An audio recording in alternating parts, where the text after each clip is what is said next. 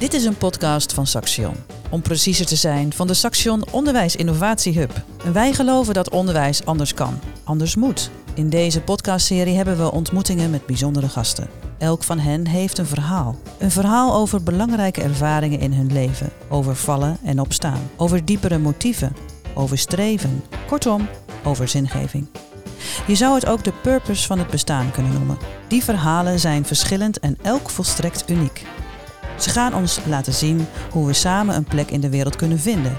Want ieder mens is al geslaagd. De kunst is om dat te leren zien. En op het moment dat je dus uh, die verbinding in je hoofd hebt van hey, hoe harder ik werk, hoe groter de kans is dat ik succesvol word, ga je dus ook automatisch meer druk ervaren en heb je ook constant het gevoel van hé, hey, ik doe niet genoeg. Goedendag, welkom bij een nieuwe aflevering van deze podcast over onderwijs. In onze podcast spreken we met mensen over hun verhaal, over hoe ze geworden zijn, wie ze zijn en over de ambities die ze hebben voor zichzelf en voor de wereld waarin zij leven. We hebben het over de ervaringen die hen hebben gevormd en over de rol van onderwijs daarin. Hoe leren zij en hoe leren zij het beste?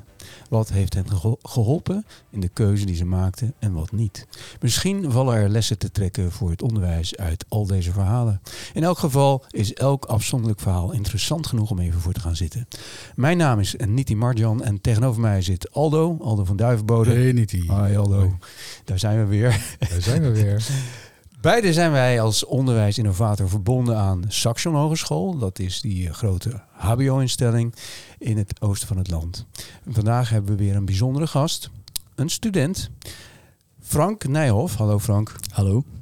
Frank is student International Business aan Saxion. Daar neemt hij deel ook aan, uh, vanuit die studie neemt hij ook deel aan een anders programma, Conscious Business. En hij is actief bij SDG Nederland. SDG staat voor Sustainable Development Goals. Dat is een door de VN gedefinieerd uh, reeks van 17 duurzaamheidsdoelen voor 2030. Zeg ik het goed, Frank? 2030? 2030. 2030, inderdaad, ja. ja. 2030. En het zijn er 17, hè? Het zijn er inderdaad 17. dus ja, die getallen, 17 doelen. Uh, die eigenlijk binnen een diversiteit aan domeinen voor iedereen in de wereld zouden moeten gaan gelden. En nou, 2030, dat is over wat, zeven jaar? Gaat ja. dat lukken? Nou ja, het gaat in ieder geval de goede kant op. Er wordt heel veel uh, aandacht aan besteed. Uh, steeds meer ook. Dus ik, uh, ik, ik hou de hoop hoog. Zeker. Oké. Okay. Mooi. Frank, we gaan eens even met jou verkennen over ja, wat jou motiveert, wat je doet. En we hebben het daarin ook en vooral ook over onderwijs, zoals jij dat beleeft en je opvattingen erover. Kun je eens vertellen, wie ben jij? Nou, ik ben Frank Nijhoff. Ik ben zojuist, of dat eigenlijk afgelopen week, ben ik twintig geworden. Ik um, studeer international business. En daarnaast volg ik dus het honorsprogram Conscious Business. Um, en daarnaast ben ik dus inderdaad actief met Sustainable Development Goals. Uh, ook als spreker mag ik dan vaak op podia iets gaan vertellen over hoe je duurzaamheid zowel bij bedrijven als in het onderwijs mee kan nemen. Want daar wow. weet je veel van. Nou, ik zou mezelf nog niet een expert noemen, maar ik, vind wel dat ik er in ieder geval genoeg van af weet om daar echt iets uh, moois over om te kunnen vertellen. te gaan staan. Zeker weten. En dat op 20 jaar, hè? Ik, ik was nog niet zo ver, kan ik jullie meedelen? Nee, ik, ik zeker ook niet. Nee, mooi. Hey, en, en jij bent, uh, uh, je hebt gekozen voor een international business opleiding. Why? Ja, dat is heel grappig. Ik um, had vroeger heel veel moeite met de term succes. En ik dacht, ik moet echt succesvol worden. Ik moet rijk worden. Dus uh, ik besloot om uh, international business te gaan doen, want dat was de snelle weg naar succes voor mij.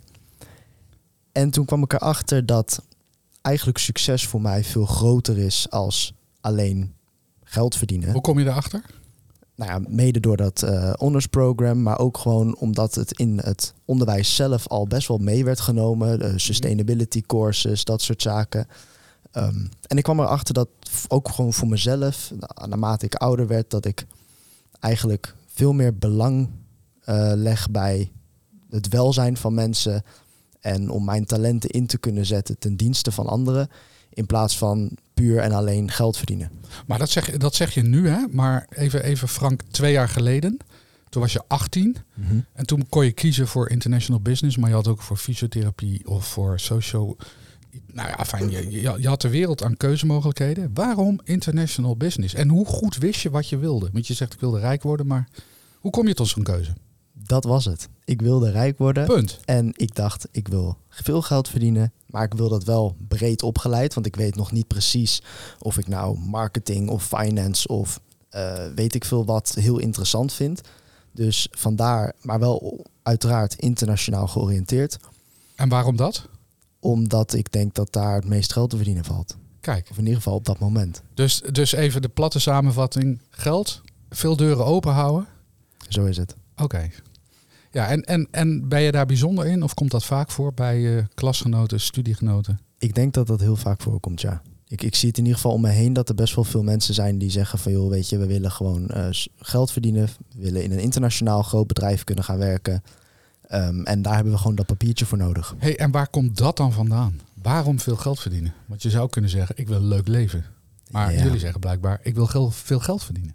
Ik denk omdat er toch een soort associatie is bij geld verdienen en, en een mooi leven. En of dat dan komt door het gebruik van social media of, of gewoon eh, het feit dat we elkaar een beetje gek aan het maken zijn natuurlijk. Ja, ik, verder ja, wat kan je daar zinnig over zeggen? Ik denk dat het daar eh, door komt. Ja, en, en daar wordt ook over gesproken op middelbare scholen. Dus als je met vrienden op middelbare scholen praat over... Praat je veel over studiekeuze dan? Nee. Nee. Nee. Want, het, want? Omdat je daar vooral bezig bent met jezelf. Dus niet met wat doet de ander. Ja. En je daar hooguit het hebt over van hé, hey, wie gaat wat doen. Ja. En dan zie je elkaar daarna ook eigenlijk niet meer. Dus daar is geen oprechte interesse van hey, wat ga je doen en waarom maak jij een bepaalde keuze. En is dat nou een leeftijdskwestie of is dat de omgevingskwestie? Is dat je, eh, zeg maar je, je, je huiselijke achtergrond eh, die daarin speelt?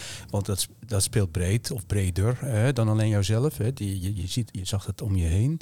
Ehm, ehm, waar, waar, waar zit dat? Dat, dat? dat denken zo ontstaat. Het gaat om mij, ik wil rijk worden en verder. Ik denk dat dat heel veel verschillende redenen heeft. Eh, onder andere bijvoorbeeld ouders die eh, heel graag willen tegenwoordig dat hun kind Ja. echt wel op die prestatieladder wel hoog eh, in het torentje zit. Ehm, dat kinderen heel erg veel druk ervaren, maar dat er ook nog heel veel kinderen zijn die eigenlijk helemaal niet weten wat ze willen. En dan maar een bepaald pad kiezen, omdat dat nou eenmaal eh, nu Cool zo is. het systeem is. En, dat- en, en je ziet op me- social media inderdaad allerlei voorbeelden waarschijnlijk. Die, eh, die, die voor jou op dat moment een belangrijk rolmodel zijn. Eh, luxe schoenen, grote auto's. Dat, dat Ja, speelt social media een grote rol in dit soort, dit soort opvattingen? Ja, dat denk ik wel. Er, wordt, dus, er, is een hele, bijna, ja. er is natuurlijk een hele afdeling op Instagram die puur gefocust is op kijk eens hoe groot mijn huis is, kijk eens hoe succesvol ik ben, kijk eens hoe eh, duur mijn auto en mijn schoenen en mijn kleren zijn. En als je daar als kind mee geconfronteerd wordt, dan is jouw besef van geld is best wel anders als dat de realiteit eh, dat laat zien. Ja, en, en dan, oké, dan heb je die opvattingen, maar hoe is het echte leven voor iemand van 18 of 20? Want het is, het is natuurlijk een mooi beeld, hè? Maar hoe, hoe zit het echt in elkaar? Ik bedoel, voel je ook altijd zo van, ik ben onderweg naar rijk worden of ik ben... Ik kan me niet voorstellen dat dat er altijd is. Of ik ben natuurlijk van een iets andere generatie, zullen we zeggen. Je, je bedoelt de, de, de, de kans dat ik daadwerkelijk het bereik wat ik Ja. voor ogen heb, namelijk die Ja. grote auto enzovoort, dat eh, gaat dat ook lukken. Dat gaat het lukken. En hoeveel stress geeft dat bijvoorbeeld? Hoe voelt dat om daarmee bezig te zijn? Ja, de- dus om terug te komen eerst op die kans. Je realiseert je dat de kans heel klein is. En er wordt best wel veel ook via dat social media eh, gepusht op van hoe harder je werkt, hoe succesvoller je wordt. Dus, Ja. dus hard werken wordt eigenlijk eh, direct ehm, verbonden aan succes. Ja, zo heb ik jou ook leren kennen. Volgens mij in, bij binnenkomst in het ons programma was Frank een soort van top notch. Kon niet hard genoeg en snel genoeg en veel genoeg, want Precies. veel en sterk. Precies. En op het moment dat je dus eh, die verbinding in je hoofd hebt van hey, hoe harder ik werk, hoe groter de kans is dat ik succesvol word, ga je dus ook automatisch meer druk ervaren en heb je ook constant het gevoel van hey, ik doe niet genoeg. En hoe was dat? Kon je, ging jij die druk ervaren? Of hoe ervaar je druk? Hoe voelt dat? Ja, nou ja, je merkt dat je gewoon eigenlijk constant zo'n stemmetje in je hoofd hebt die zegt van joh, hey, je kan nog meer doen. hey, je gaat nu een half uur zitten Netflixen, maar eh, je had ook wat anders kunnen doen. Je had ook rijk kunnen gaan worden. Je had ook nu een Rolls Royce kunnen hebben. Nee, serieus, je ma- maken er een grapje over. Maar dat, dat, dat hoor je echt in je hoofd. Ja. Ja, en ik, ik heb best wel veel vrienden die dat ook hebben. En, en wanneer, wanneer ontstond dat bij jou, dat stemmetje in je hoofd? Of was het er al? Of was het een beetje zachtjes? Is dat luider geworden? Hoe ging dat? Wanneer, wanneer kreeg je er last van? Vind ik lastig om concreet te bepalen. Ik ben van VWO naar HAVO gegaan. En toen heb ik eigenlijk ook heel bewust de keuze gemaakt van... hey, eh, dat robots bouwen, wat ik destijds eh, mijn VWO voor wilde doen... dat past niet bij mij. Dat vind ik niet leuk. Wat wil ik dan wel? En toen kwam dat hele... eh, dus dat, ik denk dat dat rond de, de jaartje of 16 was. Dat ik toen dacht van... hé, hey, ik wil rijk gaan worden. Ik wil succesvol worden. En toen heb ik dus mijn HAVO afgemaakt. Ben ik naar het HBO gegaan met die insteek. Maar ik kan, jou, ik kan jou wel ambitieus noemen. Dat heb je wel, als ik dat zo hoor, al langer. Ja. Komt dat vandaan? Dat komt deels vanuit een soort onzekerheid, wellicht. Maar vooral vanuit een soort, ja, gewoon ook nu, zeker nu, eh, als ik voor mezelf nu spreek, is het vooral vanuit een passie. Ja. D- Dus die ambitie is er nog steeds, waar hij ook vandaan komt, maar hij is wel geswitcht. Hij is omgedraaid. Hij is anders gericht. Ja, er is dus in twee jaar eigenlijk heel veel gebeurd. Want Kun je ons eens meenemen Ja. in hoe dat dan gegaan is? Hè? Dus je kwam hier binnen als ambitieuze jongeman die ja, voor ogen had hè, de materiële wereld en eh, het gaat om mij. En dat is nu anders. Dat mag je zo nog verder toelichten hoor. Maar hoe, hoe, wat is er gebeurd in die periode? Nou ja, tijdens het onderwijs eh, of, of tijdens die periode eh, heb ik natuurlijk dat honorsprogramma eh, ook gevolgd. Ge- geef even kort, heel kort de, de, de typering van het onder, andersprogramma. Eén, waarom ben je het gaan doen en wat is het eigenlijk? Het heet Conscious Business en dat is eigenlijk ook wat het is. Het is gewoon hoe ga jij bewust zaken doen. Ehm, en ik ging daar eigenlijk in omdat ik sustainability als vak zelf in het IB-programma steeds interessanter begon te vinden. En ik dacht van, hé, hey, dat vind ik een mooie toevoeging. Zeker als ik kijk naar eh, waar de maatschappij in mijn ogen naartoe gaat, naar dat verduurzamen. Ik denk, daar wil ik meer over leren. En ik eh, kwam bij dat ondersprogramma binnen. En het was eigenlijk heel anders dan dat ik had verwacht. Want het ging veel meer over mij. Wat wil ik? En hoe kijk ik naar de wereld? En hoe wil ik mezelf dan in die wereld neer gaan zetten? En als ik dan eh, dus in de toekomst weer zeg maar een beetje een stukje door kijk, dan merk ik dus ook dat dat hetgene is wat die vragen van hé, hey, wat wil ik nou? Welke kant wil ik op? Dat dat ineens hele antwo- andere antwoorden eh, gaf als ik wil rijk worden. En be- betekenisvolle antwoorden. Zeker, zeker. Hoe? Dat ehm, ik veel meer gericht ben op mensen. Dat ik mensen heel mooi vind, heel belangrijk vind, heel waardevol vind. Dat mijn kijk op succes veranderd is. Ehm, en dat ik veel minder focus op eh, welvaart en veel meer op welzijn. En dat dat uiteindelijk in mijn ogen dan toch ook wel weer die rol van de economie in die zin dan heeft. Wat is uiteindelijk het doel wat je probeert te bereiken met geld verdienen? Dat is dat je gelukkig bent. Dat is dat je je fijn voelt. Dat is dat je eh, in principe ja, je basisbehoeften hebt. En dat je anderen kan helpen. Ja, en dat laatste, dat hoor ik je heel nadrukkelijk zeggen. Hè? Waar het eerst draait om jou. Overigens, de, eh, dat zal voor iedereen in zekere mate spelen, maar misschien wel op een bepaalde leeftijd nog wat sterker. Je bent gaan zien, zeg je. Ja, maar ik, ik sta in relatie tot de wereld en ik sta ook dus in relatie tot anderen. En echte betekenis zit hem vooral ook daarin. Zeg ik dat goed? Zeker. Ja, dat woord betekenis introduceren we nou. Hè. Eh, ehm, kan, kan je daar iets over zeggen wat dat voor jou is? Dat is het is een veel gebruikt woord, hè? en zeker ook in, in onderwijscontexten. En in, het is een beetje hip. Eh, en wij introduceren het ook zomaar. Maar kan jij er iets vanuit, gewoon vanuit jouw beleving en jouw gezichts, jouw invalshoek, eh, iets over zeggen? Waarom betekenis? Wat is het? Ja, betekenis is denk ik wanneer je in, in overeenstemming leeft met dingen om je heen. Dat je dingen, dat je jouw handelen, dat dat ook positieve gevolgen Mhm. heeft voor anderen. En in die zin heb je dus een samenleving en moet je dus ook samen leven. En Geen ik-leving, maar samenleving. precies. En dat is denk ik wat betekenis als concept of als woord zeg maar eigenlijk inhoudt. En is dat iets wat jij bij leeftijdsgenoten meer ziet of hoort? Of ben je daar bijzonder in? Of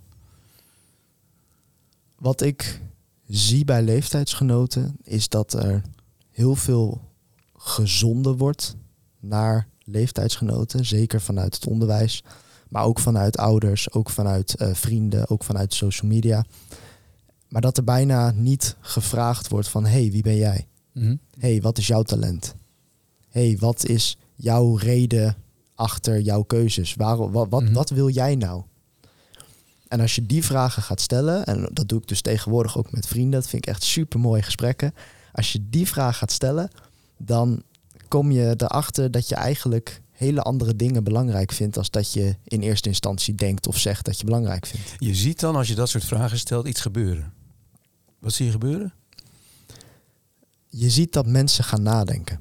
En kijk, het is natuurlijk in die zin dan niet mijn taak om eh, met een antwoord voor een ander te komen. Maar het is wel mijn taak om een vraag te stellen, waardoor die ander gaat denken. En als die ander dan zegt van hé, hey, allemaal leuk en aardig, maar ik wil gewoon geld verdienen. Dan is het ook niet aan mij om daar verder nog weer over te gaan oordelen. Dan denk Mhm. ik van hé, hey, prima, dan is dat jouw manier, jouw weg. Maar ik geloof dat iedereen op deze aarde eh, toch positief wil bijdragen. De wereld een stukje beter wil maken. En dat als je met dat idee, zeg maar, naar mensen toe gaat en zegt van... hé, hey, hoe wil jij de wereld een stukje beter maken? Of wat is nou jouw talent en hoe kan je dat nou... wat wil je daar nou eigenlijk mee? Wat is nou echt jouw doel in het leven? En je stelt twee of drie vervolgvragen... ehm, dat mensen dan op grotere antwoorden komen als alleen... hey, ik wil een Rolls Royce of een groot huis. Mhm. Ja, ik vind het ontzettend, ontzettend gaaf om te horen dat je, eh, dat je op die manier naar de wereld kijkt. Het, het, ik, ik hoor ook heel veel andere beelden. Hè. Het is natuurlijk een, er is heel veel pessimisme. Er zijn veel burn-out eh, studenten. Ehm, het, het gaat niet goed met heel veel dingen. Hè. We praten over polycrisis, over klimaat, over biodiversiteit, weet je.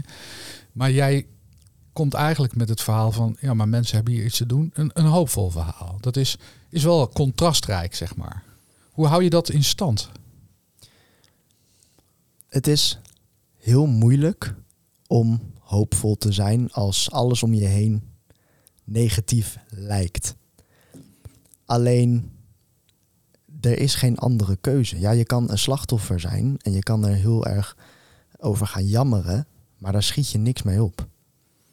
En ik geloof nog steeds dat heel veel mensen de wereld een stukje beter willen maken. En dat ondanks dat misschien de problemen in onze maatschappij, dus die polycrisis, biodiversiteit, eh, onderwijs wat misschien niet altijd functioneert zoals we dat wensen, dat dat misschien niet onze schuld is, maar uiteindelijk is het wel onze verantwoordelijkheid om die problemen op te gaan lossen.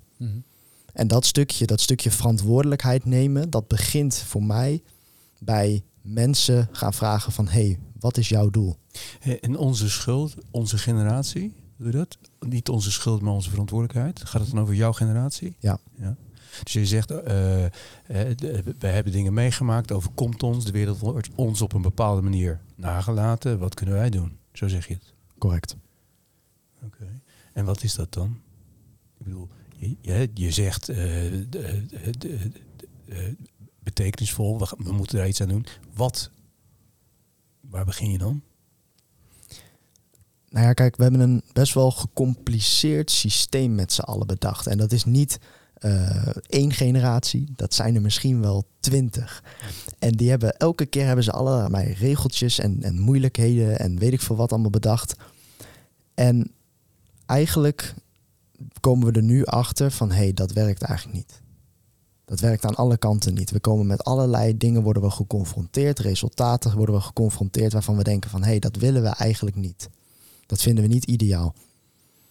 En hoe los je dan zoiets op? Ja, dat is gewoon in ieder geval door het grotere probleem, of het grotere plaatje te zien, dus eigenlijk globaal te denken, maar gewoon lokaal te gaan handelen. Ga gewoon beginnen, doe iets. Ja, mooi.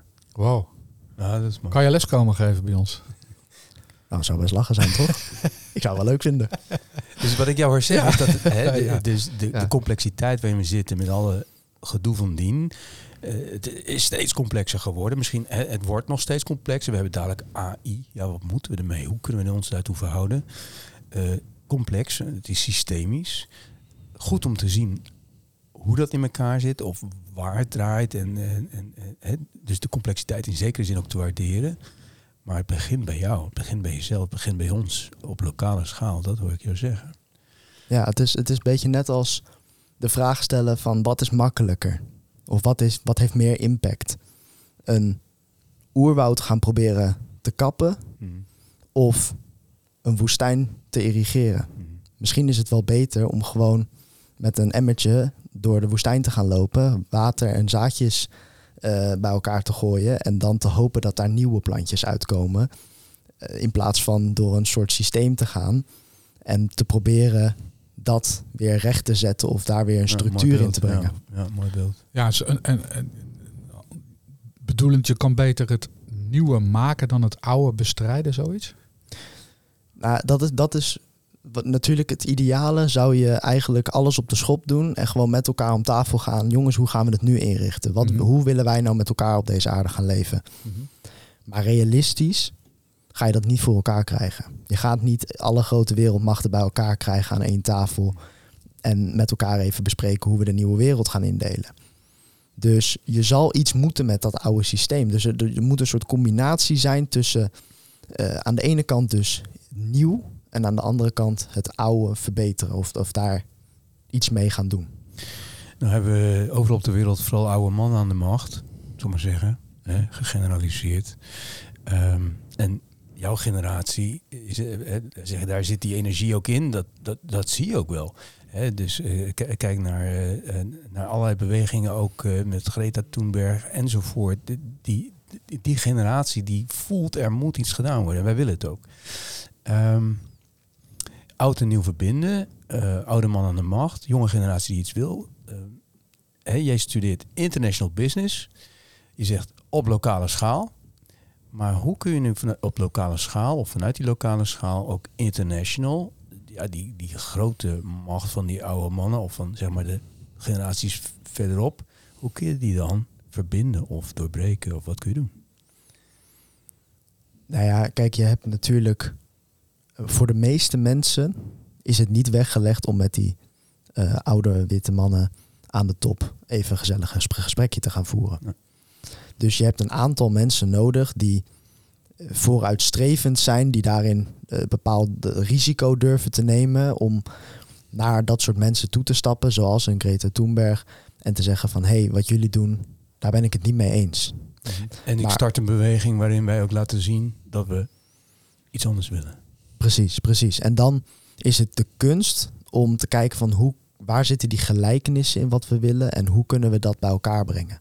Niet zozeer elkaar tegen gaan werken, want dan wordt het, in mijn ogen wordt het alleen maar erger. Beetje net zoals dat klimaatactivisten zichzelf vastlijmen aan een A12. Tuurlijk, daar zit een statement in. Maar uiteindelijk denk ik dat het meer tegenwerkt als dat het voorwerkt. En je bent je eigen activiteit begonnen, want jij hebt ervoor gekozen om zelf eh, ook op het podium te gaan staan. Kan je daar iets over vertellen? Ja, dus ik ehm, was eigenlijk eerst best wel geraakt bij het concept van de betekeniseconomie. Daar begon het een beetje, eh, van Kees Klomp. En toen dacht ik, dat, daar wil ik iets mee. Maar wat wist ik nog niet precies. En toen eh, kreeg ik vanuit Saxion de kans om naar Nederland Maakt Impact te gaan. Uh, conferentie. En tijdens die conferentie werd er eigenlijk aangegeven van... joh, mensen die hier zijn, kunnen pitchen. En we hebben nog plekken over. Je kan twee minuten op het podium staan, 600 man. Uh, hoe gaaf is dat? Nou ja, dan kan ik het natuurlijk niet laten om mezelf daarvoor aan te melden. Is dat nog een overblijfsel uit die veel en sterk periode? ik heb geen idee, maar ik uh, heb er geen spijt van. Is er, gewoon hele, doen. Zeker weten. Heel gaaf dat je dat, ja, dat, je dat gewoon durft. Ja. Precies, dus ik dacht, ik ga daar op het podium staan en ik ga daar wel wat vertellen over die betekeniseconomie. Het is misschien niet mijn eigen idee, het is niet misschien mijn eigen bedrijf. Maar ik geloof er wel in. Maar ik geloof er wel in en ik heb het gevoel dat ik er in ieder geval iets over kan vertellen Um, en ik, als er maar één iemand in die zaal is die denkt van wow, dat is een vet verhaal, dan doen we dat. Maar dat zijn er meer geworden. Dat zijn er inderdaad meer geworden. Want ik uh, heb daar het hele verdere weekend uh, eigenlijk alleen maar rondgelopen en met allerlei mensen gepraat. en, uh, ja. ik, maar wat ik voor mezelf merkte, is dat ik dus eigenlijk op dat podium staan en dat verhaal verkondigen, dat ik dat super vet vond. Ja. En dat ik toen dacht van wauw, hoe kan ik dit vaker gaan doen? Nou, en toen ben ik dus met zo'n SDG-netwerk in contact gekomen. En via daar eigenlijk nu uh, heel veel opdrachten die ik mag doen. en hoe kwam het dat het zo goed werkte? Je deed het, je durfde het, maar je geloofde ook ergens in. Ja. En je, je zag een kans en je nam de kans. En toch is het heel, lijkt me heel spannend. Hè? Niet iedereen zal dat zomaar doen. Nee, het is doodeng. Ja. Nee, ik heb, wel, ik heb wel even doodsangst uitgestaan. Dood, doodeng, maar toch doen. Dat is een beetje jouw uh, devies of zo. Ja, op een gegeven moment dan heb je je aangemeld. En dan realiseer je je van, oh shit, wat heb ik nou weer gedaan? Ik kan niet meer terug. en dan, ja. uh, nou, dan ga je maar. En dan, ja, kijk, omdat je ergens in gelooft, is het ook oprecht. Ja. Wat is je volgende grote stap? Waar je van gaat denken, oh shit, wat nou weer? Wat heb ik mezelf nou weer aangedaan? Nou, maar een eerst een impuls, hè? oh, dat is een impuls. Kan een volgende grote stap is dat ik een half jaar naar Zweden ga om oh, ja. uh, geopolitiek ja. te studeren. Oh, right. Uh, als minor. Om nog meer echt op dat internationale niveau te gaan begrijpen van, hé, hey, hoe werkt dat nou? En ja, daarna uh, geen idee. Maar dat is wel in het verlengde ook van deze ervaring. Ja. Je gaat dus echt een beetje uit die businesswereld ook de wat politiekere wereld in. Begrijp ik dat goed? Zeker, zeker. Wat ik, wat ik heel interessant vind is om die verbinding te leggen. Mm -hmm. is, is om verbinding te leggen tussen de businesswereld en die politieke wereld. En eigenlijk alles wat er tussenin zit. Gewoon mensen. Hm. En over een jaar of tien, wat ben je dan? CEO ergens of wat ben je dan? Geen idee. Nee. Eigen eiland. Politicus. Nou, eigen sportwagen. Nee. nee. hey, ik wil nog heel even naar onderwijs. Want uh, hè, dus je zegt ik ga naar Zweden. Uh, je hebt een interessante ervaring en ook zeg maar een toch een perspectiefdraaiende uh, ervaring gekregen binnen dat Anders-programma, Conscious Business van Saxion. Um, hoe kijk je naar onderwijs meer in algemene zin? Vanuit je eigen ervaring hoor. Dus, dus uh, je bent begonnen ergens, kleuterschool, lagerschool, middelbare school en zo. Ben je gaan studeren. Daar is ineens iets gebeurd. Uh, wij zijn vooral uit op uh, lessen voor onderwijs. Wat kunnen we leren of wat, wat, wat is er nodig? Nou ja, zoals we het eigenlijk net al een beetje zagen, is dat al die dingen die voor mij dus echt waarde hebben toegevoegd in die tijd dat ik dus nu uh, op het Saxion zit, dat zijn allemaal dingen die buiten het reguliere curriculum vallen. En dat maakt het juist zo gek. Oeps.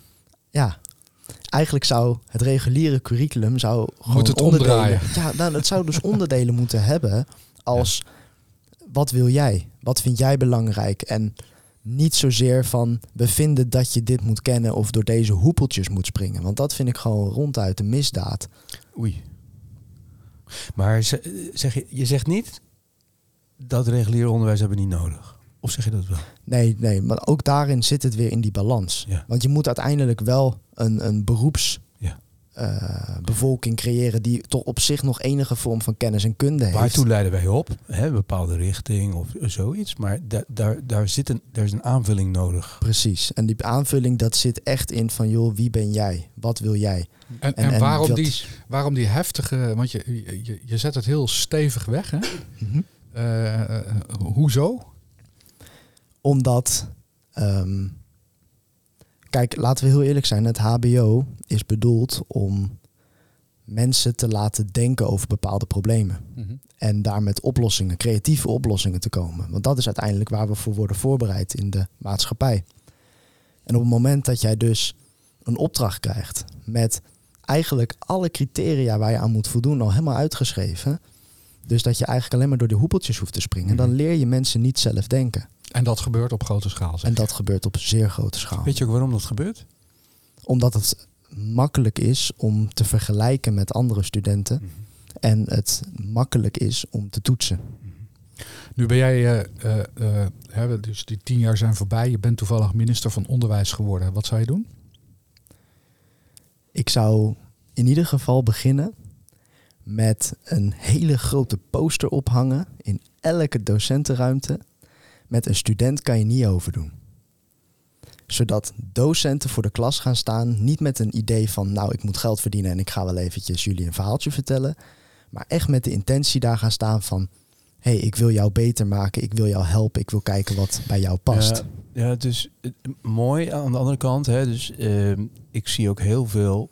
Eigenlijk al, al mijn collega's zitten ook wel zo in de wedstrijd. Eh, of in de wedstrijd. Hè, ze vatten hun eh, taak ook op als van ja, ik doe het met, met passie en ik wil ook dat het goed gaat. En ik, ik gun mijn studenten het beste. Toch doen ze niet allemaal wat jij zou willen.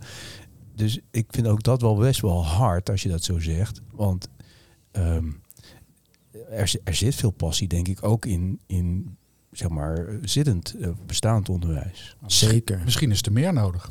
Zeker, er is, er is bij heel veel docenten is er heel veel passie. Zeker. Maar er is ook eh, een hele grote groep docenten bij wie dat niet het geval is. En uiteraard wil je ook dat eh, de manier hoe we gaan beoordelen, dat we daar iets mee gaan doen. Want dat maakt het voor docenten ook makkelijker om, eh, dus die wel die passie hebben of die wel op die manier ernaar kijken, om daar iets mee te gaan doen. En kun je een richting geven, anders beoordelen? Waar, waar- waar denk je aan?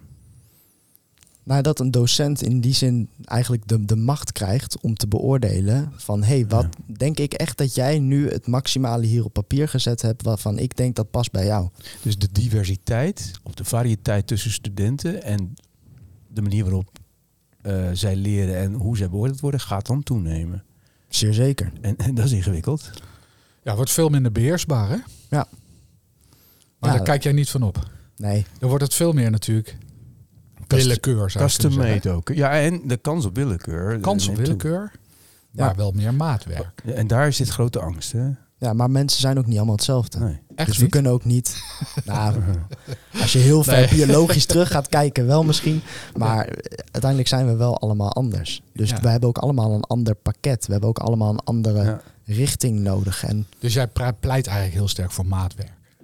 ik pleit aan de ene kant voor maatwerk, maar ik pleit ook wel voor ehm, minder complexiteit in de, in de richtingen. Dus, dus het maatwerk is wel gefocust op een bepaald aantal onderdelen. Niet 6000 specialisaties met 8000 verschillende uitstroomprofielen, want dan kan je ook de kwaliteit van je onderwijs niet meer handhaven. Dat en wat ik je een paar keer heb horen zeggen, meer aandacht voor wie ben jij zelf. Precies. En kan je daar nog kort iets over zeggen waarom dat zo belangrijk is? Omdat uiteindelijk moet je vanuit jezelf iets gaan doen, iets gaan manifesteren in die wereld. Mhm. En als jij niet weet, nadat je klaar bent met je studie, van ja, maar wie ben ik nou en wat wil ik nou, dan kom je dus in een soort, eh, dan, dan, dan kan je in een soort situatie terechtkomen waar je eigenlijk helemaal niet goed bij voelt.